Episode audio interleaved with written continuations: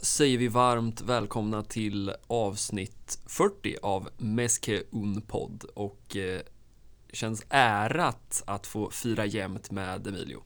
Ja, kul att vara här igen eh, efter att ha missat. Ja, bojkott av landslagsveckan. Nej, men eh, skitkul. Eh, 40 jämnt, känns bra. Mm. Och vi har jäkligt mycket att avhandla idag Ja, det, det ska gudarna veta. Intensiv jävla vecka eh, för både oss men eh, ja, lite mer intensivt för Mr. Xavi kanske. Ja. Misstänker vi. Ehm, vi börjar väl, vi går väl i det fina ordet kronologi. Eh, Mm. För det var ju stadsderby i helgen. Det känns ju länge sedan nu. Det är ju fredag. Det är inte vant, lite ovant att spela in på fredagar. Ja, Men eh, vad vi, fasen. vi är lite sena. Ja, men eh, det får vi leva med. Eh, Så det, det känns ju ganska avlägset nu. Men eh, då var det nervigt. Då var det nervigt och det var puls framförallt. Kändes det som. Ja, den efterlängtade debuten för Exakt. Xavi. I ett derby som inte har spelats på, ja det måste väl vara ja, vad kan det vara? Ett och ett halvt Ja. år i alla fall. Typ. Kommer ju inte ihåg när de möttes senast på vårsäsongen. Vad blir det då? Säsongen 1920. Så måste det bli. Ja. Så, eh, nej men det var ju intressant att se. Man eh, var ju lite extra uppmärksam just med tanke på att det var första matchen Mm. och man vill ju gärna se den här Xavi-effekten Mm. eh, direkt. Eh, och det fick vi väl göra med eh, tanke på startelvan. Eh, där Ilias, Mm. 17 år om inte jag minns eh, helt fel, kan det Ja, stämma? född 04 väl? Ja. Ja. Frågan om han har fyllt, ja men det har han nog gjort. Ja, Men det 04 i alla fall. Ja. Eh, från start. Eh, och sen eh, Abde också som kom in där i andra halvleken. Också 04 om inte jag helt missminner mig. kan, vara, kan vara något år äldre kanske. Ska inte svära på det. Ja, vi, Nej. får, vi får återkomma. Vi får smyg-googla och återkomma. Eh, men det finns ju jäkla mycket att avhandla från den matchen. Vi kan väl börja med att konstatera att det blev tre pinnar. Eh, Memphis Depay ytterligare ett ligamål. Även om vi lär återkomma till hans formkurva också. Mm. Eh, men liksom summa summarum tre pinnar. Vilket väl precis som du sa till en början så kändes, eller min bild är i alla fall att, och det var lite liknande mot Benfica. Vilket jag för övrigt tycker att har varit liksom ett återkommande fenomen under hela säsongen och kanske jag vet inte hur länge egentligen, men att man börjar bra, man har mycket boll Mm. Eh, och så skapar man chanser och man har en ineffektivitet som jag inte riktigt vet hur man ska bota. Men man får väl hitta någon som kan göra mål kanske. Och sen går det 10-15 minuter av andra halvlek i samma riktning och sen är det som att luften går ur. Ja.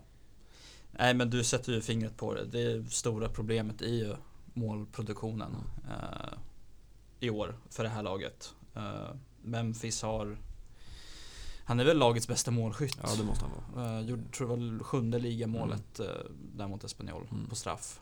En tveksam straff. Ja, det får vi nog vara väldigt eh, uppriktiga och säga. Nej, jag, jag hade inte dumt straff Nej, så mycket kan jag säga. Men eh, Ja, det är ju målproduktionen som är det stora problemet. Eh, och eh, det är ju också det som vi kommer ju komma till det lite senare med transfers och alla rykten. Mm. Men eh, jag tycker ju att man, som säger, man håller i bollspelet, ser ändå ganska bra ut. Mm. Och man kommer ju till väldigt många chanser. Det här är ju både mot Benfica och mot Espanyol, det är ju matcher som ah, jag tycker att man ska minst göra två, tre Mm. mål på. Eh, Jag bara satt liksom och funderade på en, en Luis Suarez för, ja, kanske inte när han blev några kilo för tung, men en, en Luis Suarez för ett par, tre, fyra, fem år sedan hade Mm. ju eh, hade ju inte suttit fel. Sen finns det ju inte så många anfallare som Luis Suarez. Speciellt Nej. när man har 10 miljoner euro i januari. Men eh, Precis. Och med Och- Ansu Fati skadad, eh, Osman Dembélé som vi väl också ska prata om, som var väldigt bra mot Benfica. Mm. Ehm, men som ju aldrig tycks hitta kontinuitet i sin eh, vad ska man säga, tillgänglighet Nej. för att spela matcher. Nej, precis. Eh, och jag vet inte om... Ja, alltså man ska väl också ha klart för, jag, nu har jag inte siffrorna i huvudet, men Memphis Depays 2021 är ju absolut, absolut världstopp. Ja, Jag misstänker att Lewandowski ligger väl före. Eh, men sen där bakom är ju sett till mål plus ass Ja, i klubb och landslag. ett, ja, ett otroligt VM-kval med, med Holland. Mm. Eh, och eh, det är som du säger när Ansu Fati är borta. För när de två spelar tillsammans tycker jag Mm. att det funkar oerhört bra. Det fick Mm. vi ju se mot Celta Vigo. Även om det slutar som det slutar Mm. så trivs ju de två ihop. Ja, det är verkligen känslan. Och eh, med Fati borta så faller ju i princip allting på, på Memphis. Eh, och jag tycker mig se och känna när jag ser honom spela att han, han också känner det och han vill så gärna göra det där målet. Eh, det se- såg vi mot Benfica när han hade något otroligt läge. Mm. När han istället gör för att avsluta. Ja, det är, det, liksom, det, det är den här dragningen för mycket. Det är inte den här killer, Mm. det enkla att Mm. bara liksom smacka dit den som man, jag tycker att han hade i, i början av säsongen. Eh, Ja, han har ju något mål där man bara dunkar upp den i första i nättaket. det var mot Bilbao borta tror jag. Det Det är liksom, det tar inte många sekunder efter att han får bollen som det bara smäller till. Mm. Eh, Men nu är det liksom, det är en dribbling för mycket, det är en dragning för mycket. Ja, det är spännande att fundera på vad det liksom skulle bero för, för att liksom man har ju, eller jag upplevde i alla fall att man pratade väldigt mycket om när han kom att liksom det här med hela hans mentalitet och, och vinnarskallen och eh, lejonet Ja. om man så vill. Eh, som liksom kanske inte då var redo när han kom till, till Premier League och Manchester United från Mm. Holland och sen tagit ett steg tillbaka i Lyon och men har varit fullständigt fenomenal och nu ska han visa alla ungefär. Ehm, Men ja, det är ska inte kombinera de två delarna förhoppningsvis. men då är frågan liksom, räcker det till? Och man ska väl också ha klart för sig, tänka att det är så långt. Man har blivit så bortskämd med liksom, framförallt då kanske Suarez, men också Messi såklart. Men att ska du vara nummer nio i Barca så du har ju inte råd att, att gå, låt säga att han nu går en tre, fyra, fem matcher i en sämre period. Och det gör ju många spelare. Mm. Men som nia i Barca, det funkar ju inte. Nej, och i dagens Barca så finns det ju inte heller någon som direkt kan ersätta honom. Eh, Så den pressen tror jag inte finns på, på just nummer 9-rollen. Att det, det är inte så att de Jong kommer komma in och, Mm. och, och ta över på något Nej, sätt. låt oss hoppas. Eh, Men eh, ja, det känns verkligen som att han också känner att han borde göra mål. Och att det sätter lite krokben på, Mm. på honom själv just nu. Men det, ja, sam, och samtidigt så tycker man liksom, jag tycker att Gavi har funkat väldigt, väldigt bra i sin, eh, han har ju spelat både till höger och vänster, men kanske framförallt till vänster tycker jag, där det nu har varit ganska tydligt i de här matcherna. Nu ska vi väl kanske hålla oss lite i till Espanyol då, men framförallt kanske även mot Benfica där Mm. Araujo spelar som högerback, Mingueza har spelat som högerback, kliver in i plan, Alba Ja. kan skjuta fram väldigt högt och Gavi kan skjuta in. Det, Mm. det blir en ganska tydlig rollfördelning. Men det går ju också ut över det offensiva hotet av liksom, ja, det går inte att jämföra Gavi med Ansu Fati eller Osman Dembélé. Nej, Eh, och det är frågan om det är det som, ja, att han behöver mer liksom understöd framåt eller, och kanske kombinerat med en lite svagare form då. ja. Nej men jag tror att det behövs någon, ja men just Ansu Fati, någon att kombinera med längre fram. För Depay, eller Memphis kanske vi ska hålla oss till. Han har ju en tendens att ofta möta bollen väldigt djupt nere i planen. Nästan vid liksom mittcirkeln. Eh, och sen vända upp. Eh, och då finns det liksom inte någon, någon nummer nio där vid straffområdet som krigar. Nej, det är väl liksom Frankie de Jong som har fått som han i och för sig har visat prov på väldigt många gånger att han är skicklig på att fylla på. Men Mm. det har nästan blivit ännu tydligare nu Ja. upplever jag under kanske de här två matcherna att han har fått ta Ja, extra stort ansvar att och fylla det på. tror jag, det ska han ju ha också. Mm. Eh, han, ja, han, han har ju inte varit i sin bästa form där under Komans sista tid och jag tror Xavi vill få ut ännu mer av honom Mm. helt enkelt. Eh, Vi har ju sett hur bra han kan vara under, eh, ja, Messi sista säsong. Han hade Mm. en otrolig vår där han Verkligen. spelade fram och gjorde mål själv och han var liksom en total mittfältare på något sätt. Mm. Det såg till och med bra ut när han var mittback med Ja. en Tre trebackslinje liksom. tvåan, ja. Så uh, det är väl det man försöker väcka just nu. Och det, och det Ja. behövs ju. Ja, för, eller jag kan ju bara tala för mig själv, men jag har så extremt höga förväntningar Mm. på honom för att jag upplever att det är en spelare som jag- vet inte vem man ska jämföra med, men han har ju allt Ja, i mina ögon. Bara han får ut det så allt från liksom passningsspel till fysik till genombrottskraft, spelförståelse, avslut, fylla på i boxen, ja, allt. Men det gäller väl kanske bara att hitta en tydlig roll där han faktiskt ska spela och det är väl upp till Xavi att lösa den. ja och jag kan väl inte se någon, någon bättre än Xavi att liksom ge dem de direktiven och på något sätt forma honom till, till den han, han ska vara. eh, Det känns ju så. just nu. Men eh, ja, vi, Espanyol, det slutade ju 1-0 efter, eh, efter ett straffmål och eh, det såg väl lite skakigt ut efter, Ja, efter det den får här man ledningen. nog verkligen säga. Eh, Det är inte ofta som Nej, man inte bara ser. ska, alltså det var ju...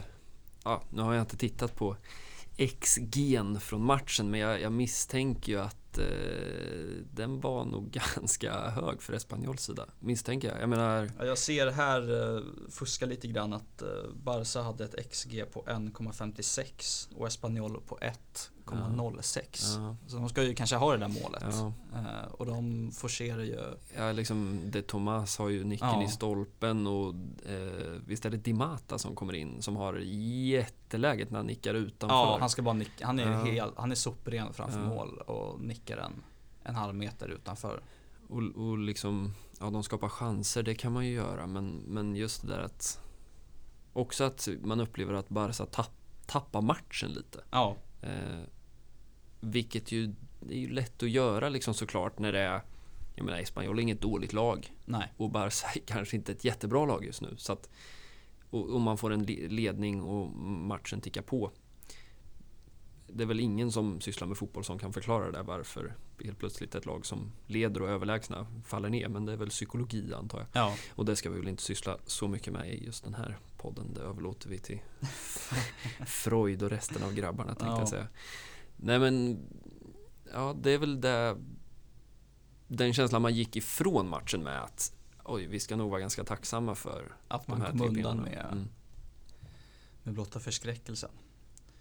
Men eh, ja, jag vet inte om det är så mycket mer att, att ta från den matchen. Det, Ja, Jag tänkte, vi kanske ska stanna lite vid, ehm, du- nämnde det inledningsvis med um, högerytterpositionen. ja, Som ju är, eller har varit också får man väl säga, up for grabs. Verkligen. Eh, Koman löste det ju genom att spela Gavi där. Eh, Men eh, sen- försvann Ansu Fati också. Då får Gavi gå till vänster och då Mm. är det öppet. Eh, Och det finns väl egentligen, det är, en jäkla härlig situation tycker jag. Eh, Att det finns tre spelare som liksom ska dit och tampas. Sen kan man också, det känns som vi har pratat om det så många gånger, men att Alex Collado inte har Mm. fått, eller inte kan få chansen nu, är ju, framstår ju om liksom kanske mer makabert än någonsin. Men, och sen, jag menar, det är klart att när Osman Dembélé, om Osman Dembélé förlänger sitt kontrakt och kan spela fotboll på liksom mer än 30 minuter per match så är det klart att han kommer ta den platsen. Ja. Men eh, tills vidare så är det ju tre ynglingar som gör upp. ja, Och det är det, det är jag vet inte, när man liksom Det är inte så ofta det händer i en så pass stor klubb att det verkligen är en öppen plats och så har man ett par kandidater som är nej, unga och taniga och har Verkligen framtiden inte. för sig. det kan väl vara så ehm. att den själv, det självklara valet eh, kanske försvinner på grund av skada och Mm. så finns det en nummer två. Men nu finns det ju inte någon självklar ett eller två utan det är liksom tre som som verkligen fightas. Mm. Och då kanske vi ska ta dem. Ilias, Abde och Josef Demir just nu. Mm. Och eh, ja, du som har superkoll på, på Barca B. Ja, Vad, vad, vad har du på Ilias och, och Abde kanske framförallt? Ja, mm, den spelare som, alltså man ska väl ha klart för sig att Ilias är väl sen, det är också svårt att liksom jämföra de här uppmärksamhetskvoterna i, i La Masia genom åren med tanke på att det har funnits en Ansu Fati, det har funnits en Gavi som har tagit väldigt mycket plats. Gavi och Ilias har ju spelat i samma, liksom, Mm. de är ju samma årskull. Ehm, men det är klart att Ilias är ju en av de spelarna som det har pratats om. Eh, alltså det ska man ha klart för sig. Han, har ju inte, han är ju i princip sen några veckor tillbaka liksom en Barca B-spelare. Ja. Inte liksom officiellt men han är där och spelar. Han har startat. Han gjorde väl två mål för vad kan det vara drygt? Två, tre veckor sedan kanske. Eh, så det har ju varit en spelare som har spelat i U19-laget. Eh, och de där spelarna är ju ofta lite svårare att ta koll på eftersom matcherna sänds liksom inte lika ofta och ja, man kan inte titta på allt. Nej. Så då får man ju ofta lita på liksom vad som sägs nerifrån Katalonien. Och nerifrån Katalonien så har ju Ilias varit ett namn som det har pratats om väldigt, väldigt, väldigt länge. Ehm, och det, ja, som spelartyp, jag, han fick ju inte ut så jättemycket mot Espanyol. Nej. Eh, det får man väl vara ärlig och säga. Men eh, har man tittat på honom lite mer så, så är det ju en superspännande spelare. Eh, teknisk, kvick, snabb, dribbler som också kan avsluta. Mm. Eh, och det, det är väl ganska exakt vad man, vad man vill. Han är väl lite, han är väl någon slags mellanting mellan mellan Yusuf Demir och Abde skulle jag väl försöka beskriva honom som. Abde Ja. är ju så väldigt direkt och Demir är ju så väldigt plottrig och petig. Mm. Så låt oss säga att Ilias kanske är någonstans däremellan då. Ja, Eh. för Ilias fick ju första halvleken Mm. och Abde kom in i, direkt i andra. Mm. Eh, och det är en spelare jag inte har sett någonting av innan och jag blev otroligt imponerad av djupledsspelet och Mm. hans vilja att hota och dribbla för han kom ju förbi nästan varje gång Mm. på, på högerkanten. Eh, och även om det inte alltid resulterade i någonting så är det ju pikt att se en så ung spelare ta för sig på det sättet. Verkligen. Eh, han fick väl ett kort inhopp borta mot Celta. Ja visst är det Celta och då var han ju väldigt vilsen. Ja, Eh, Så att det, och inte så tacksamt att komma in när, när man har tappat momentumet helt i matchen Mm. och ska försöka På tal om att Barca tappar matcher Ja. när det börjar närma sig liksom. Men nu fick han ju verkligen visa, Mm. Visa färger. Eh, och det känns som en spännande spelare att ha just med tanke på att Dembélé är väl den mest den spelare som hotar mest när han väl spelar. Mm. Eh, Så då kän, det känns ju bra att ha en backup med lite samma, lite samma spelartyp. Mm. Eh, Även om kanske inte speeden är, är densamma. Nej men de är ju, ja, de är ju lika. Sen ska man ju inte jämföra eh, nivå liksom. Nej. Men, just vad, vad sett till egenskaper. Mm. Och det ska man ju också vara tydlig med. Jag som principfast kan ju störa mig ganska mycket på när man liksom recenserar Araujo eller Pedri som La Masia-spelare, det är de ju inte. Och Nej. det är ju inte Abde heller, utan han värvades ju i somras från Hercules. från Hercules. Eh, gamla fina Hercules som Som skrällde på Camp Nou Ja. någon säsongsöppning. eh, Det eh, gjorde de ju. David Trezeguet var ju där. ja. Eh, det måste ju vara... Nelson Valdez Ja, från ex, ja just det. Det Paraguayanen. är ju, måste ju vara... Det är mer än tio år sedan tror jag. Ja, Royston Drenthe. Det Ja. kanske det måste ha varit runt 10, ja Sen kanske 08, 2010 09. någonstans där. Ja, 09. Ja, möjligt. Nej men de köpte ju, köpte ju ut honom i somras för Mm. 2 miljoner euro. Och eh, det är den här Herr Planes som nu... eh, Det var väl nu i veckan han fick lämna. eh, Som har varit någon typ av... Man blir ju... Det har ju gått inflation i alla de här fina titlarna. Om han Ja. då var direktör eller rådgivare eller eh, vad det nu var är väl oklart. Men han har ju agerat lite bakom kulisserna och var väl på tal om Araujo då var han väl väldigt involverad liksom. Mm. Ehm, och det ska han väl ha cred för. Ehm, kom ju som det alltid gör nu i veckan uppgifter om att Real Madrid också var ute efter Abde Ja. såklart. Vilket ju alltid man, framkommer i efterhand. Man vill ju eh, alltid visa på att eh, han valde Katalonien och inte, Ja, nej precis. och inte Madrid. Ehm, nej men en jättespännande spelare såklart. Ehm, som, ja lite precis som Ilias, det är ju lite lik, de har haft en lite knackig säsongsinledning. Ilias har ju varit ganska, haft det ganska tufft med skador. Mm.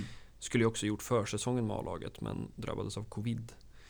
Eh, och då, det var en fin brygga för Mm. att då fick ju Yusuf Demir chansen istället Ja. på försäsongen och då tänkte alla att det här var spännande och alla tänkte att det här ser ut som Messi. Fast man inte vågade säga det för det får man ju inte och det ska man inte. Nej. Men eh, rent egenskapsmässigt så är det väl den typiska spelartypen som lanseras som någon slags eh, ny Messi.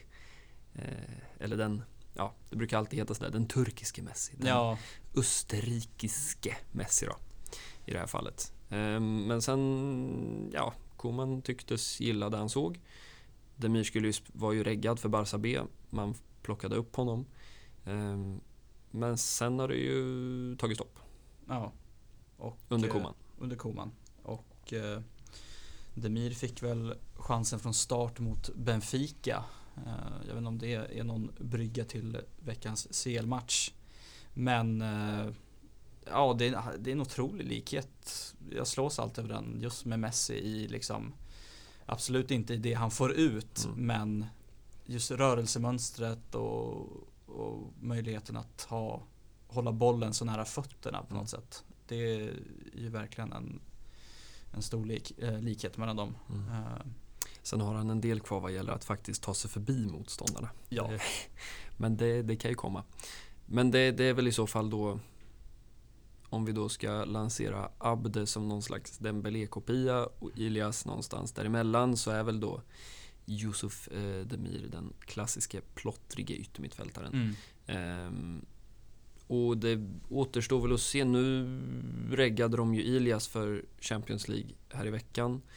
Ehm, vad som händer med Abde vet jag inte riktigt. Ehm, men det, det, det lär ju bli en liksom någon typ av konkurrenssituation eh, Ja. mellan de här tre. Även om då Dembélé kommer tillbaka så handlar det om liksom en plats på, i truppen, på bänken. Om ja den annat. är vidöppen. Ehm, och det, ja, det återstår att se. Det är klart att Demir ligger väl först då i och med att han är registrerad för A-laget. Ehm, och kan ju därför inte spela för Barca B. Nej. Ehm, men vi får, ja, vi får se. Jag vet inte, det är ju så- också så otroligt svårt att ställa någon liksom Ja, vem, vem kommer ta den där platsen av de tre? Mm. Det, jag menar, som du säger, Ilias är 17 år. Ehm, det ska ju tas beslut efter säsongen om Demir, 10 miljoner euro. Ehm, 20 matcher med mer än en halvlek innebär att det måste genomföras. Right. Men eh, där är vi väl inte riktigt än. Jag vet inte vad han har, tre kanske. ja, Så att, eh, och jag, ja, finns de pengar, eller pengarna finns väl men det finns ju inte så mycket pengar så frågan är om det, det är en spelare man ska satsa på då eller man ska ja, i så fall gäller det väl att, att lösa ut kanske en om till 10 eller någon och mm. frigöra lite utrymme ekonomiskt. Ja, men det ska bli spännande. Det, kän, det känns eh, nytt och fräscht i alla fall. Med Mm. unga spelare som får chansen och tar chansen. Eh, måste man ju säga. Ja, Eh, även om det, precis som det är för alla unga spelare, är upp och ner. mm. Så är det väl återigen ett bevis på att det finns. Ge dem chansen bara. ja, Och går det inte så det kostar inget att sälja en spelare. nej. Eh, eller släppa en spelare. Ehm, men vi kanske, ska, vi kanske ska vända blad från debutmatchen Mm. och eh, det var ju snabba ryck. Ehm, lördag 21 till Tisdag 21 va? tisdag 21.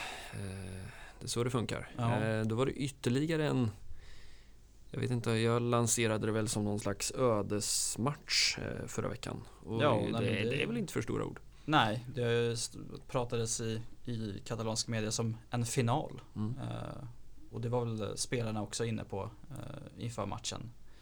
Och eh, det blev väl lite antiklimaktiskt Ja, får när man, man har lanserat det så. 0-0. Mm. Eh, Och förutsättningarna kanske vi bara ska nämna att, att Ja. vid seger så, så var ett, en slutspelsplats eh, klar för Barcas del. mm, Eh, men så blev det inte. nej. Vi, då var det Josef Demir som fick chansen. Mm. Om inte jag Mm. minns helt fel. Stämmer. Och eh, gjorde väl det han brukar. Mm. Eh, han hade väl något Ja, ett, skott, ett skott i ribban. Ja, Eh, ja, mer företagsam ändå Mm. tyckte jag. Även om man ja, fortfarande är en sån spelare som man känner att det kanske inte händer så mycket. Det ser estetiskt tilltalande ut men Men effekten blir inte så stor. exakt. Ehm, och det har väl också med mognad att göra såklart. Eh, men det, min känsla var väl lite samma där kanske. att Jag tyckte att första, första halvlek var, var bra. Mm. eh, rent spelmässigt. Eh, och sen, eh, jag menar, det ska man också säga att Benfica är inget oävet lag. Det är en bra startelva och en ganska, jag menar, bara att kunna slänga in en Darwin Nunez i, i andra halvlek, det säger en del om Ja, vilken bredd de ändå har. Rut- Rutinen finns där med Fertongen och män Ja, vi måste prata lite om Otamendis match. Alltså, Det är helt det otroligt är... eh, ju så när på att ja, han gjorde ju ett drömmål men Ja, Barca räddades av att bollen, eh, hörnan hade gått ja, den förbi är ju kortlinjen. nästan, nu ska jag inte säga att jag satt och tyckte att det var tråkigt. Men, man känner lite att liksom, ja men vad fan. Det var värt ett bättre öde. Ja, det har ju liksom inget med målet att göra. Det annat om man hade satt en armbåge Ja. i någons huvud först. Men ja, nej, jag vet inte om han gör ett... Jag vet inte, det känns också som att han har haft en liksom bicykleta i sig, eller? ja, Någon gång. Det har han säkert. Men eh, det, känns... Jag vet inte, är det, det måste ju vara hans topp tre mål i alla Ja. fall. Men eh, så blev det inte. Men Nej. eh, vilken, ja, fruktansvärd match han Ja. gjorde. Några tacklingar sista minuten som man kände att... Men det är väl lite Otamendi också. Jag menar, en annan dag så har han dragit på sig ett rött efter Ja, då är, det, 35. då är det en misstajmad tackling och det typ så. frilägesutvisning eller Ja. liknande. Men, Nej, det, men- det, de, jag vet inte, men min upplevelse var i alla fall att de två matcherna gick ganska mycket hand i hand. Man, Mm. man ser ändå att, och det, det ska vi väl också återkomma till, liksom hur... Jag menar, nu har Xavi varit här i liksom drygt två veckor. Mm. Vad kan man se, vad kan man inte se? Jag misstänker ju att många, inklusive mig själv, tittar på matcherna nu med andra glasögon än man, Mm. vad man gjorde under Koman. Och där vill man ju inte heller hamna, för det har ju inte varit liksom... Och det går ju inte över en natt, såklart. Nej. Men jag menar, skillnaderna har ju inte varit, om vi ska vara ärliga, eh, enorma. Men det kanske snarare handlar om liksom vilken approach man har och vad Mm. man... Vad spelarna liksom utstrålar för slags energi, vad man tror. Det är väl snarare de värdena man kanske måste fundera på snarare än exakt hur det ser ut. Spelmässigt. Mm. Ja, nej, men där, där har, tycker jag att det har blivit en förändring i liksom lagmoralen eller vad man ska Mm. säga. Även om, som du säger, det spelmässiga ser inte jätteannorlunda ut. Mot Benfica så blev det väl någon 3-4-3 uppställning. Ja, det kan Till en början i alla fall. Eller en väldigt vriden 4-3-3 i alla fall. Ehm, för det, det har du ju helt rätt i, det måste vi prata om. För att Mingueza startar ju mot Espanyol. Just det. Ehm, och jag upplevde kanske lite redan där att han var ganska mycket mer tillbakadragen än vad han Mm. brukar vara. Vilket ju såklart har att göra med att man får en riktig ytter då. Istället för en, en Gavi då som kanske Ja. har spelat där. Men det blev ju ännu tydligare mot Benfica när Araujo får chansen. Och jag Mm. satt och kliade mig i håret när laguppställningen kom. I, det är ju ett, måste prata mer om det här med att de ställer upp lagen i sifferordning alltså. Ja. Det, Men jag, jag, ja. Och det, det gjorde det inte lättare för jag satt och funderade på hur i fasen ställer vi upp det här. Men eh, precis som du säger, ett, om man vill kalla det 3-4-3 eller något slags vridet 4-3-3 eller ja, eh. nej, men det var ju i alla fall tre renodlade mittbackar från Mm. start med Araujo, Piqué och Lenglet som får chansen. Eh, också lite spännande. Ja, Eh. det har ju... Han... En spelare som imponerade otroligt när han kom. Mm. 300 miljoner från Sevilla Mm. och såg väl ut att vara en otroligt bra La Liga mittback i alla Mm. fall. Under Ernesto Valverde. Men eh, som på senare tiden, vad det verkar som, har haft lite ja, men problem med, med småskador Mm. som har hindrat honom. Eh, Ja, och någonstans, ja det känns som det är mycket som hindrar honom tänkte jag säga. Mm. Det lät hårt. Men... Det jag var ingen. Koma-favorit till slut heller, det ska man ju Nej. säga. Ehm, och jag, jag kom på mig själv med att bara sätta lite så getingar på spelarna efter matchen. Mm. Jag, det var länge sedan. Eh, och då slutade det med att Langley fick den där engetingen. Och jag... jag vet inte om det sitter i huvudet eller om det är, men för mig är han uppenbart en säkerhetsrisk. Mm. Och det är trist att säga det för att jag tycker att i grund och botten så är det en ganska bra mittback. Alltså duglig fysik, bra uppspelsfot. Men det är som att eh, och det kanske har med att göra då att man inte får kontinuitet. Eh, att man hamnar snett, att man misstajmar, att man eh, missar en markering på en fast situation, vilket ju inte är vad man vill se från en mittback. Men känslan är kanske att hans tid i Barca, vilket man ska när han kom så var det ju som en backup. Det var ju på tiden vi kunde spendera 300 miljoner på en backup. Mm. Alltså det var ju Umtiti och, Ja. och Piqué som skulle spela. Eh, sen offrar Umtiti sina knän och helt plötsligt står det där som start mittback. Ja. Och då gjorde han det bra. Men sen någonting vände ju Mm. sen.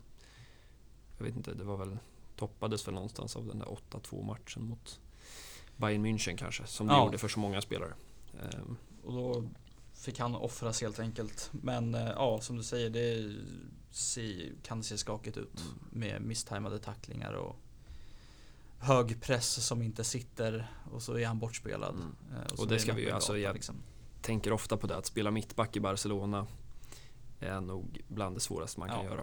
Eh, framförallt när man har en profil som han har och så står Piqué till höger. De är ju ganska lika Mm. i just vad gäller liksom den fysiska aspekten.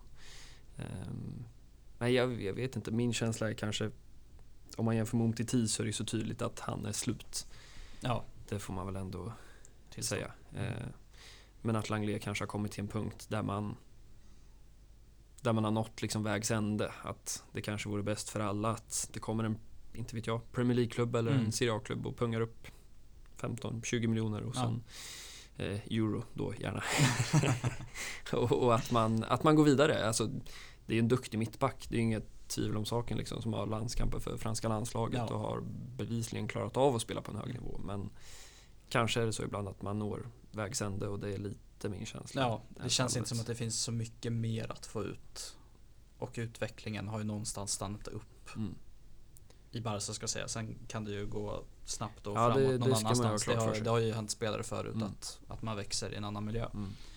Men eh, ja, lite det om Lenglet. Men eh, Araujo skulle jag gärna vilja prata om. Mm. Och hur han verkligen, enligt mig, är kanske lagets bästa försvarsspelare just Mm, nu. jag vet att eh, Mackan har ju pratat eh, länge om det där och jag såg också att det sipprade ut en tweet där under matchen att Mm. eh, så är det och jag ställer mig bakom er två. Jag är helt med, inga problem. Och eh, också ett otroligt fröjdigt hot framåt. Han, Ja. han hade ju faktiskt en boll i nät eh, som, som dömdes bort. När han, Mm. Och fick kramp i samma... och fick kramp och det, man blev lite orolig där när han tog sig för Ja. benet. Men det verkar ha, ha gått bra efter det. Mm. Eh, nej men en, en otroligt fin mittback som jag hoppas nu ska få den här kontinuiteten. Mm. Också haft lite skadeproblem under Ja. Koman eh, och så. Eh, och vi hoppas ju alla att hela den skadehärvan i Barca ska, ska lösas nu. Eh, läste senast häromdagen att två i den medicinska staben har fått lämna nu. Mm, det känns som en, det är några i veckan som Ja. pö om pö försvinner. Xavi är inte nådig utan de, de offras ganska Mm. klart känns det Mm. som. eh, För att det ska bli någon typ av förändring. Mm. Eh, Men ja, Araujo det är en jättestor favorit hos mig. Ja, det var, jag tyckte också det var spännande att se honom i någon typ av högerbacks, höger mittbacksroll. Eh, som jag tyckte att han skötte ganska bra. Det som har varit hans problem väldigt länge är ju uppspelsfoten. Mm. Eller varit hans problem väldigt länge. Det som är hans problem Ja. fortfarande. Jag menar, det är väl... Jag kan på rak arm se få mittbackar som är lika bra en mot en defensivt. Nej, Som verkligen. Araujo är. Sen finns det ett positionsspel, det finns en spelförståelse. Alltså många saker som går att slipa på. Men rent liksom fysiskt så... Nej, det har ju verkligen hjälpt honom. Han, som du säger, han kan ju slå iväg ganska galna passningar Mm. men just fysiken och försvarsspelet brukar han kunna rädda upp de Mm. flesta situationer med. Och det ska väl sägas att det känns som att det går åt rätt håll Mm. med, med just spelet med fötterna. Ehm, Så är det. nej men jag är helt med dig. Och passande nog, eller passande nog, men det har ju också, det ska ju förlängas ett kontrakt. Mm. Eh, som går ut sommaren 2023. Ehm, och det kom ju någon rapport nu under veckan, eller det har väl pratats om att agenten då ska resa till Barcelona för att liksom inleda begynnande samtal. Liksom. Um, sen jag vet inte om det var ISPN som brukar ha jäkligt bra koll på det där som um, rapporterade liksom att um, ja, hans krav ska tydligen vara lite högre än vad mm. Barca hade räknat med. Och, uh, för min del så kände jag mest att uh, då betalar vi. Ja, det är, vi snackar om en kille på 22 år mm. och ändå har visat en otrolig topp. Eh, mm. Och det, som du säger, utvecklingen går åt rätt håll och den går framåt. Så känns det ju som en spelare som man absolut måste behålla. För att få någon form av säkerhet i... Ja, och på tal om liksom karaktärer så känns det väl som en, som en ledare ja, på planen. Det gör det. Eh, vilket det ju inte kryllar av. Nej, direkt. det var något avsnitt sen som vi diskuterade vem mm. som ska... Och missade Araujo tror jag. Ja, vill jag det kanske vi gjorde. Att man räknade upp han satt väl i, i sjukstugan ja. då, så han kanske försvann. Ja, det kanske är en rimlig, rimlig ursäkt. Ja. Nej, men en eh, superspelare som har... Jag vet, de första, det är ju... Vi kommer väl aldrig sluta prata om 99-generationen med Ricky Pucho eh, som vi kanske ska vidröra vid lite sen. Mm. Eh, Collado och, och kompani. Jag minns de liksom matcherna när han hade kommit från Boston River mm. hemma i Uruguay. Och, eh, ja, på tal om spel med fötterna så var det en och annan luftpastej upp på kan det ha varit en Abel Ruiz som mm. spelade nia då. Eh, och jag minns att han fick några avhyvlingar av både Moncho och Ricky Push som stod på mittfältet och eh, tittade upp i luften ungefär och förstod inte riktigt vad som hände. Men det har hänt en del sedan dess. Och eh, ja, nej, det är en, en jävla bra fotbollsspelare alltså. Det ska bli, ska bli ruggigt spännande att följa framöver. Om han, som du säger, hittar kontinuiteten som så många andra. Um, jag, jag, om, du, om, du får lyfta Araujo så vill jag prata Nico Gonzales. Mm. Eh, som, jag som jag tror att många kanske har fått upp ögonen nu. Verkligen. Ordentligt eh, nu. Eh, det har gått fort. Ehm, och han, liksom eh, förra hösten så visste man inte riktigt. Ja, då satt han ju på bänken liksom i Barça B. Var ja. en liten halvskadad Junis som ja, han fick väl ändå platsen i Barça B då. Mm. Och nu eh, ja, bevisar han väl att han han ser absolut inte vilsen ut på den här nivån. Nej. Eh. Vi ska säga att i och med Pedris skada som nu eh, åkt på ett bakslag så han mm. blir borta Jag läste året idag ut. året ut och det Ja, jag vet inte. Det, men det är förmodligen är det väl lika bra, antar jag. Ja. Eh, men ja, de... Nej men just med, som säger med Nico Gonzales så känns det ju inte som att man har saknat Pedri så värst mycket. Med tanke jag på tänkte på det också.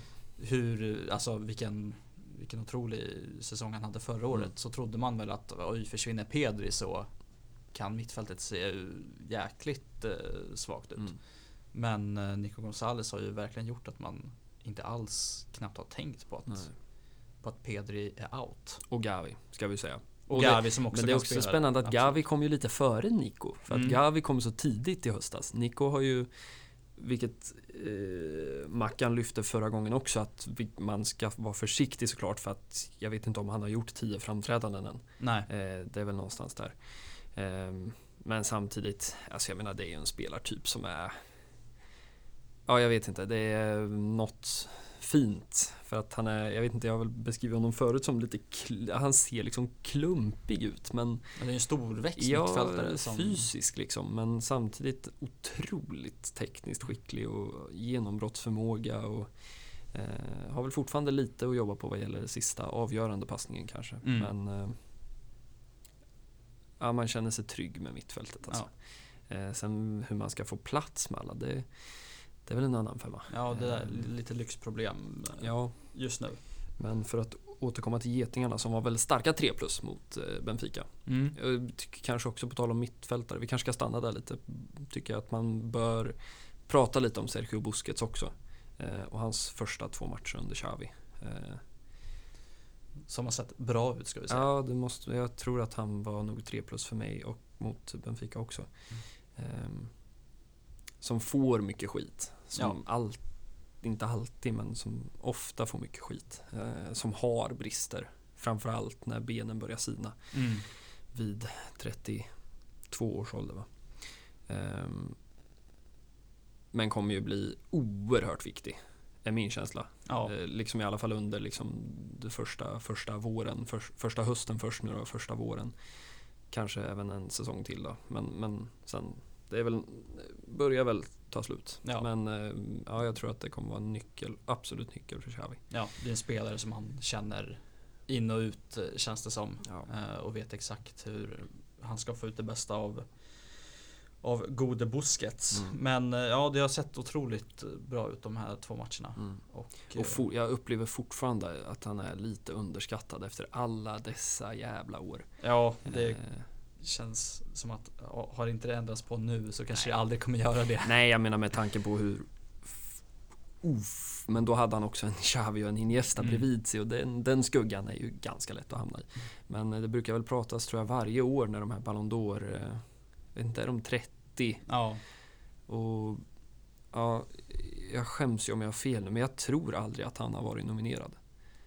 Eh, och det kan bli en enorm pudel nästa vecka eh, Ja. när jag har googlat på det här. Men de är i så fall lätträknade och jag tänker att det säger ganska mycket. Samtidigt som en Jorginho nu då. Ja, nu ska han väl inte vinna Ballon d'Or längre. Men eh, det, det var väl många som på fullaste allvar i somras tyckte det. ja, Eh, och då funderade jag på att klippa ihop någon sån här liksom komp på Busquets senaste tio säsonger och säga att eh, ja, nej. Ja, ja men nog, meritlistan är ju i alla fall otrolig. Ja, det får man säga. Och jag ska också säga att jag uppskattar verkligen Jorginho som spelare så det är inte eh, fler, fler Jorginho men eh, alla kanske inte ska vinna Ballon d'Or för att de har vunnit ett EM-guld.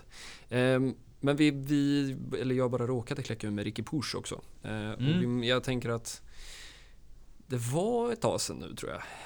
För att man blev kanske lite van under Koman och så tänkte man att nu nu ska Xavi komma och eh, nu ska det bli guld och gröna skogar. Eh, och jag vet att eh, när Adam Pintorp var på plats, som ju är ett patenterat Mm. Ricky Push-fan, precis som eh, många av oss.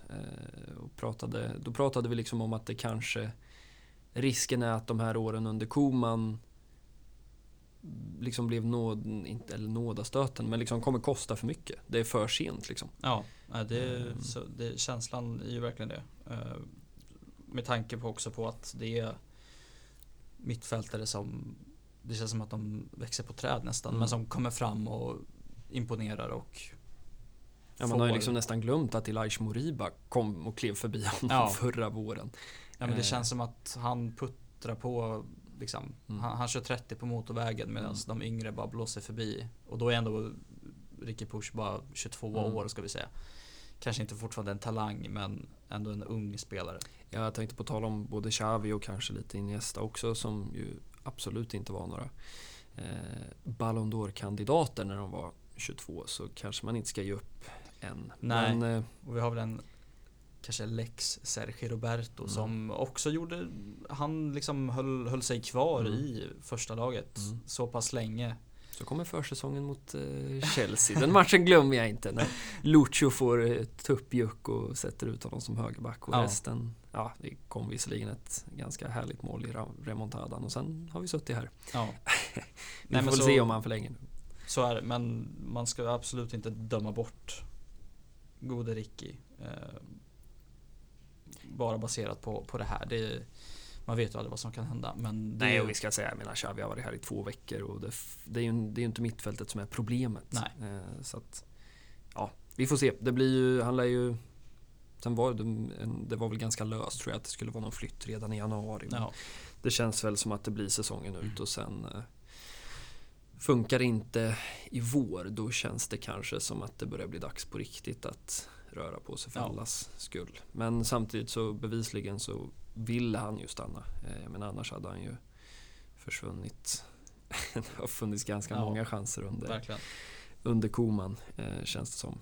Eh, innan vi stänger Benfica och, och vi ska väl också bara Sen kommer vi ju naturligtvis prata mer om den kommande matchen mot Bayern München men vi ska väl bara nämna det nu då att om Benfica åker Åker de till Kiev eller åker Kiev till Portugal? Eh, Ehm. det, är, det kan jag svara på. Ja. Och det är så att eh, Benfica är på hemmaplan. Benfica på hemmaplan.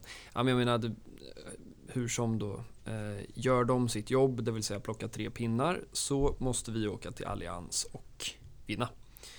Eh, och Ja. eh, det ska vi väl eh, prata om mer när det är dags. Men, men jag tänker bara så att man har de, de förutsättningarna. Det kommer bli oerhört tufft. Även om Bayern då är kanonklara och kan eh, Det känns inte som gärna att rotera lite. det känns Men, inte som att Bayern München är det laget som, Nej, som lägger sig väl- och dör för, Nej. att man är, för att man är klara. Särskilt på hemmaplan. De är väl någon form av maskin. Ja. Ehm, Men eh, det om det, vi lär ju garanterat återkomma till det när det är dags. Det är väl en bit in i december gissar jag. ja. Ehm, Men för att stänga eh, Benfica-matchen så tänkte jag bara att vi skulle prata om något som var lite kul. Det vill säga Osman Dembélés Ja. typ 30 minuter. Mm. 25, 30, något sånt. Eh, som ju var, det kändes som att eh, matchen lyfte. Verkligen. Eh, Han, han gjorde ju ett väldigt piggt inhopp i bortamatchen mot Kiev Mm. som han också skadade sig ja. Eh, blev borta nu, vad kan det varit, två veckor eller något sånt där. Ja, något Eh, sånt. och får chansen igen nu eh, med 30 kvar. Och ja, men en, han kommer ju förbi varje gång. Mm. Eh, och det, den farten är ju, han är ju ensam om att ha det Mm. i, jag vet inte, i fotbolls-Europa, men i alla fall i Barcelona. Mm. Eh, och det är en spelartyp som byter mönster och allt det där som, som, Allt det där som vi bara som vi vet. bönar efter. Ja, Alltså nej, vi som, bara- som också vi vet att han kan. Ja. Liksom. Men just som du sa, tillgängligheten är ju det stora problemet. Eh, Det är inget nytt. Nej. Men eh, ett otroligt piggt inhopp. Och Mm. eh, håller han sig bara frisk så är ju han den som ska ta den där högerplatsen det i anfallet.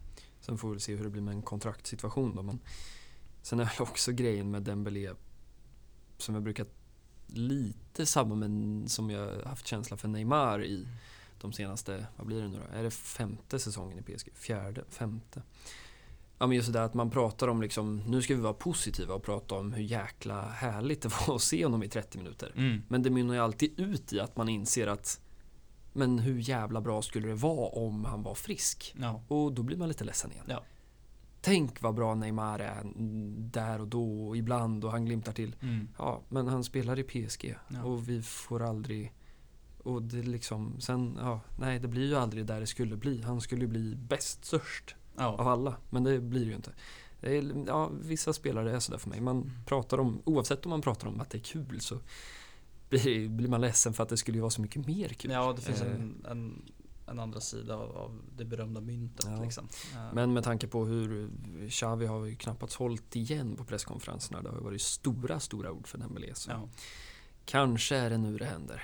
Ja. Eller så får vi en ny medicinsk rapport om, om några veckor. Ja. Eh, Jag har fan en sista grej angående Benfica-matchen. Och det är väl faktumet att Benfica kanske ska vinna den här matchen. Ja, den, tanke den är på- också intressant. Jätteläget i 92 minuten Mm. eller vad det, vad det kan ha varit. Jorge Jesus slet sitt hår. Ja, han sa väl att han inte har sett en sån miss på 30 år som fotbollstränare. Nej, det är också något med honom som är, på tal om liksom psykoanalyser, så Ja. jävla intressant alltså. Ja, nej, Haris Seferovic är det ju som... Ja. eh, Kommer sopren chippa den på något sätt över en utrusande Ja. Ter Stegen. Garcia är ju där Ja. liksom. Det ska man ju ändå ge honom. Men, eh, ja, Men målet är ju vidöppet. Ja, den är Och ofattbar. han stressar fram någon form av yttersida. Ja, jag vet inte, någon slags... Jag vet inte om det är någon sån här ambition att tå... Fjö, tåpaja. Ja. Tåfjöta. Tåpaja låter ju bättre. Ja, nej, den är ofattbar. Ja. Eh, så vi, ja. Och jag menar, en, nu ska jag, har jag inte alla siffror i huvudet, men en torsk så hade det väl varit helt klart. Då, Eller? eh, ja, då hade Benfica, ja, då hade det varit klart tror jag. Med tanke på att Barca har sämre inbördes Ja, mot just. Benfica så hade det varit kört. Ja, ja vi tackar Haris Seferovic för att vi kan åka till eh, Allians och eh, fortfarande lever. Ja, Vi har allt i egna händer som, som ja. Barca tweetade ut efter matchen. Ja. I vanlig ordning fick de fler såna här eh, replies än eh, retweets. Ja. ja, det säger väl mycket om mycket. Ehm, vi ska väl bara nämna också, eh, på tal om stackars Pedri som är, eh, får betala för sina typ ish 70 matcher. Ja. Eh, eller vad det var.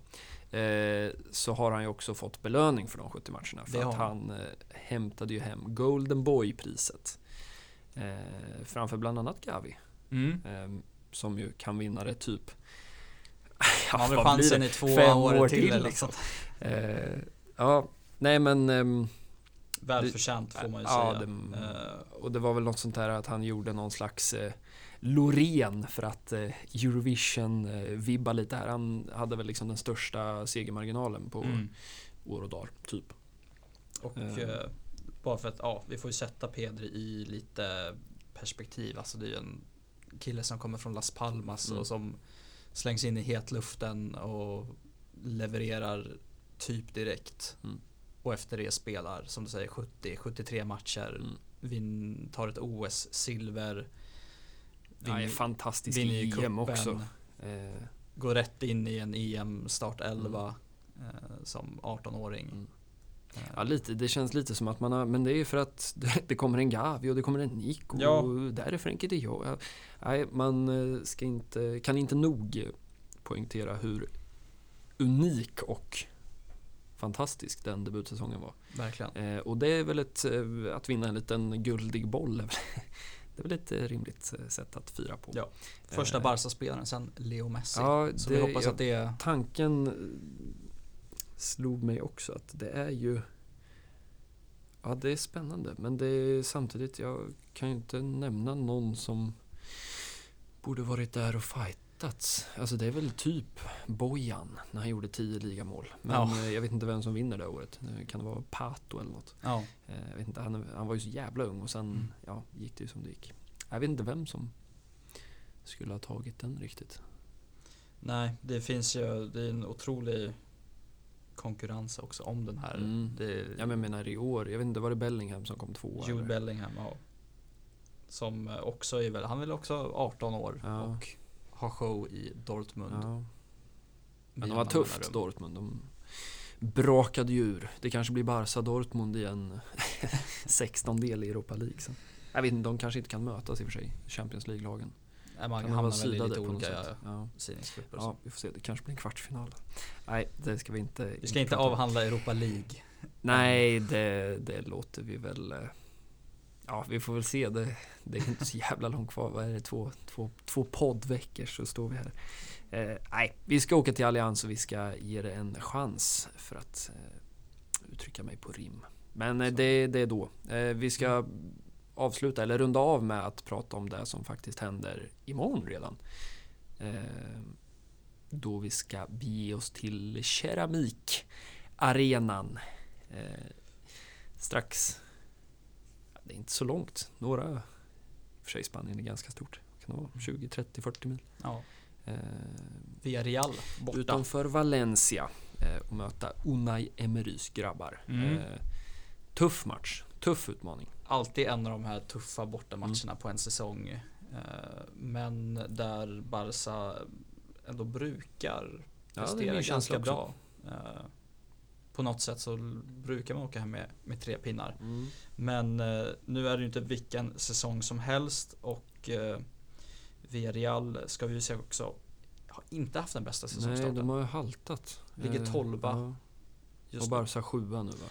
Barca på en sjunde plats, även om det är bara fyra poäng som skiljer. Till Atletico, Eh, ja. Så Fjärde. har ju Villarreal haft det tufft nu när Ja. de är med i Champions League Mm. också.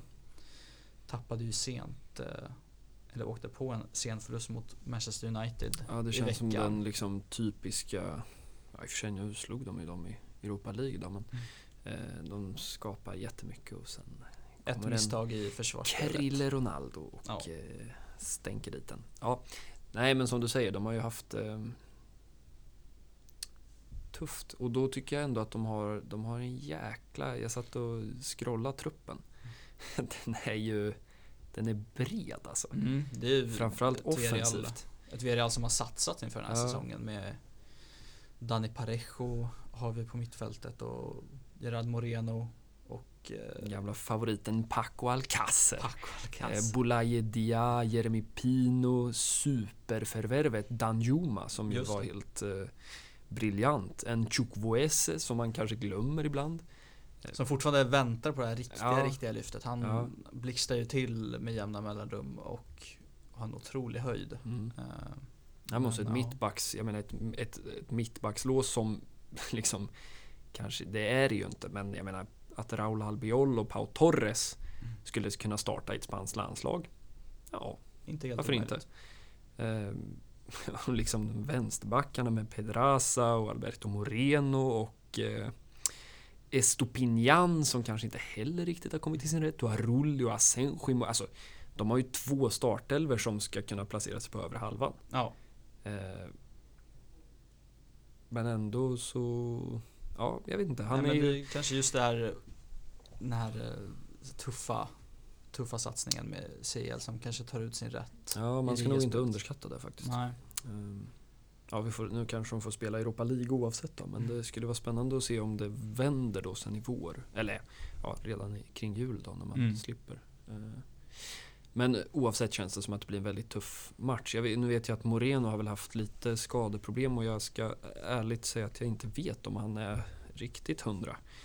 Nej, han har Ehm, lämnat återbud eh, till landslaget Mm. senast. eh, Och det är ju en, det måste, ja, Parejo kanske då, men och Albiol, någon slags centrallinje så är det väl eh, han som ska, ska göra det. Han har ju utan tvekan 20 La Liga-mål i sig om det, Ja. om det vill sig. Eh, men det är lite, jag vet inte, eh, det Thomas, när vi pratade förra veckan i Espanyol, kändes ju jäkla tydlig liksom fokuspunkt och, och Mm. eh, akta sig för. Men, men Villarreal är obehagliga på så sätt att eh, ja, dels så vet man ju aldrig med Emery vad han ställer upp med och sen känns det som att det kan ja, han är ju också den typen av tränare som skickar in tre nya gubbar i 55 liksom och sen blir det åka av igen. Mm. Nej men det är som du säger, otroligt bred trupp också när det kommer till vilka spelartyper man har. Mm. Man har bollskickliga eh, mittfältare och Mm. man har snabba yttrar och man har lite defensivare yttrar om man vill stänga ner och Mm. som du säger Paco Alcacer och Gerard Moreno. Och eh, ja, överraskningen eh, Danjuma som Mm. Och Jeremy Pino måste man väl också prata om som någon typ av genombrott. Jag vet nu 19 kommer vi tillbaka till herr Pintorp igen men jag vet att han, han just när vi pratade om eventuella förstärkningar till Barca nu har ju inte Pino kopplats ihop överhuvudtaget men hade Pintorp varit eh, Planes så, så kanske vi hade fått eh, eh, höra lite mer om intresse kring eh, Pino Mm. som det luktar kanske Premier League skulle jag nog kanske gissa framöver men det är en jäkla fin spelare. Eh, Verkligen. Sen får vi se hur de, hur de ställer upp men, eh, men det är en tuff, eh, tuff start för Xavi, det måste man ändå säga. Mm, det är Ehm. inte vilket eh, spelschema som helst som Nej, väntar. eller tuff, jag menar det är klart att förväntningarna är väl nio poäng på de första tre matcherna som det ska vara. Ja. Men med verklighetens hängselbyxor på så, så är det ju inte så enkelt. Nej. Eh, sen är det väl en veckas vila tror jag faktiskt. Jag tror inte det är någon veckomatch. Och sen är det ju eh, Betis i ligan. Det är också en, en av säsongens bästa matcher tycker jag. Alltid. Alltid fröjd i fotboll Ja, känns det som. Betis och Celta, då, Mm. då vet man att det blir kul. Mm. Eh, Det blir förhoppningsvis kul mot den gula ubåten också. Ehm, Så får vi se, Yes. alltså tre pinnar då men det kan också gå fort åt andra hållet alltså. Mm. Det är också, har ju blivit någon grej att man tittar upp till den där fjärde platsen eh, istället för någon ligatitel ska vi väl knappast prata om. Men det är väl fyra poäng upp till, till Atletico då. Ehm, Sex poäng faktiskt. Är det just nu. sex poäng? Ja. Puh. Ja, då är det ju ännu värre än vad jag Så tänkte. det är en eh, viktig bortamatch där, eh, där tre poäng eh, ja, nästan är ett måste. För Ja. om det går upp mot Det- nio poäng till en Ja, nej det är ju... CL-plats. Fy Fan alltså. Det, sen är ju frågan, jag menar, ska Sevilla och, och kanske framförallt tänker jag Larial hålla en hel säsong? Det, men samtidigt, det är ju ännu fler poäng upp till Ja. Och det, ja, det räcker ju inte att Barca tar treor då, utan det gäller att Barca tar fler treor än motståndare. Det känns ju inte som det har varit något problem förr, men eh, nya tider. Ja, vi får, vi får se. Vi får se. Nu blev det ju inte så mycket... Det är ändå härligt när det blir mer fotboll än, än transfers idag. Men Mm. eh, vi måste väl bara, eftersom jag väl nämnde Artur här, eh, FC Basel-spelaren eh, som har öst in mål. Nu vet jag inte, jag skrev någon artikel om honom häromdagen. Det var lika många mål som matcher tror jag den här säsongen. Eh, med allt vad den schweiziska ligan eh, innebär då. Mm. Men eh, det har ju kopplats ihop med Barca på en, om jag har förstått det rätt, en då lån med liksom köp Mm. tvång på det. 8-10 miljoner euro. Och vad har vi på Artur? 23 år i brasse om inte Mm. jag minns helt fel. Ska vara rekommenderad av Deco. Av. Gammal vad, man nu, vad man nu eh, tolkar eh, den informationen med. Mm. Eh, men lite svensk eh, bekant också, får man väl säga. Ja, alla som följer svensk fotboll och allsvenskan och kanske Hammarby Mm. minns väl det avgörande Conference League-kvalet. Eh, Stängt in tre bollar va? Stängt in tre bollar på hemmaplan och sen eh, tror jag också att han, allt avgjordes ju på straffar på Ja. Tele2. Ja. Där han, eh, ja om jag minns rätt, satte den avgörande straffen Mm. och skickade Basel till, eh, till Conference League. Ja, det går fort från Tele2 till Camp Nou. Ja. Jag, vet inte, vi ska inte, jag vet inte om du har sett, jag har bara sett klipp. Eh, Nej, jag honom. helt det, är- Eh, det är de matcherna mot Hammarby som, eh, som Ja, jag har det är ju sant. Då har du, jag såg bara första. Mm. Ehm, ja, det, Nej, det är väl svårt att recensera det. Min spontana känsla är ju att det är kanske en fördel att han är då 30, eller 23. Till skillnad från liksom en Kevin Prince Boateng, Luke de Jong, typ. Alltså, även om det går åt skogen så kanske man då kan sälja vidare för en Ja. lagom peng. Men samtidigt så känner jag att det känns som det har varit så återkommande att man liksom lägger ett plåster på såren Ja, istället för men att det- faktiskt se till att läka dem ordentligt. Alltså jag menar, sen för all del kom hit och häng 30 Mm. baljer men ja, det känns ju inte som en lösning på Nej. anfallsproblemet. En lösning Eh, är ju en etablerad, Ja. välkänd eh, spelare som man vet att man får ut 15-20 mål Ja. eh, ifrån åtminstone under en ligasäsong. Eh, Så är det. Och eh, det här blir väl jag vet inte, någon form av interimanfallare Ja. som eh, kommer in och på ett lån vad det verkar. ja, och samtidigt de här liksom, det är ändå 8-10 miljoner. Jag menar det är inte så att det ja, nu kom det väl bara, ja, precis innan vi klev in så Sport hade ju något nu om att eh, man har kommit överens med Koman om 10 miljoner euro. Eh, då, istället för de 12 som väl då var 10 liksom taket. Alltså, det är Eh, mycket i dessa tider för Ja, och då betalas ju fortfarande liksom eh, en Valverde och en Mm. Kike Setien av. mm. Och en Xavi nu då. Och de där fem miljonerna ska ju också betalas innan januari så att han ska kunna reggas ordentligt formellt. Mm. Eh, vi sit- Vi sitter alltså med fyra avlönade tränare. det är eh, ganska signifikativt. Oh, det var ett svårt ord. Signifikativt för Barcelona 2021. Anno 2021. Ja, Eh, det får vi lugnt eh, konstatera. Ja. Men eh, det ska bli kul med... Det är så härligt när man det är ju en fördel att stå på fredagen för då är det inte så långt till match i helgen. Nej, Det är har vi något bara att blinka. har vi något tips? Ja, det har väl blivit något av en... eh, Kan man kalla det en running gag? Det är ju en sån jävla svag running gag att tippa en match i slutet. Men vi tar väl vad vi har. Vad har vi annars liksom? Det är Ja. liksom interim Sergi Ja, eh, som vi har återigen fallit eh, ur är han, är han fokus. tillbaka i Barca B? Ja, han är tillbaka. Han, eh, ja, ja. Såg att det blev förlust eh, Ja. senast med 2-0. Ja, nej men de har ju faktiskt eh, Det såg ju så jäkla deppigt ut där i början men sen Alltså resultaten har ändå De är ju precis där bakom liksom Mm. eh, Toppen och eh, Sen har ju inte spelet varit Allt för glädjande men truppen är ju inte heller lika bra så att ja, Nej, alltså det har väl varit Det man kan förvänta sig av Ungefär med tanke på liksom den tränaren han är. Det är Mm. det är liksom ingen demontränare. Så att, eh, ja, nej. Han, gör, han gör vad han kan. Han gnetar på, Han den gode på. Sergi. Eh, men det är klart vi ska ha ett resultat. Och nu... Jag vet ju att jag stod här förra veckan och sa att Eh, för vi pratade om vilken match vi hade tippat veckan innan. Mm. Eh, och det hade jag ingen aning om. och jag vet inte, jag, vet, jag tror inte heller, eller det kanske var så att jag visste vilken match, men jag tror inte jag kom ihåg vad varken du eller jag tippade. Vilket Nej. gjorde att momentet lite liksom föll. Vi kanske måste vara bättre på att, man Följa kanske ska upp. skriva ner det och sen måste vi följa upp. Det för att det måste ju idé. bli någon typ av så här tippningstabell eller något. Det, Annars så kan vi ju bara skrika ut våra tankar i tomma intet. Utan verkligen. att någon får veta om vi har rätt eller inte. Ehm, Vi, vi ska skärpa oss till, till nästa. ja, det, det får väl bli någon avsnitt. slags, eh, något slags löfte här.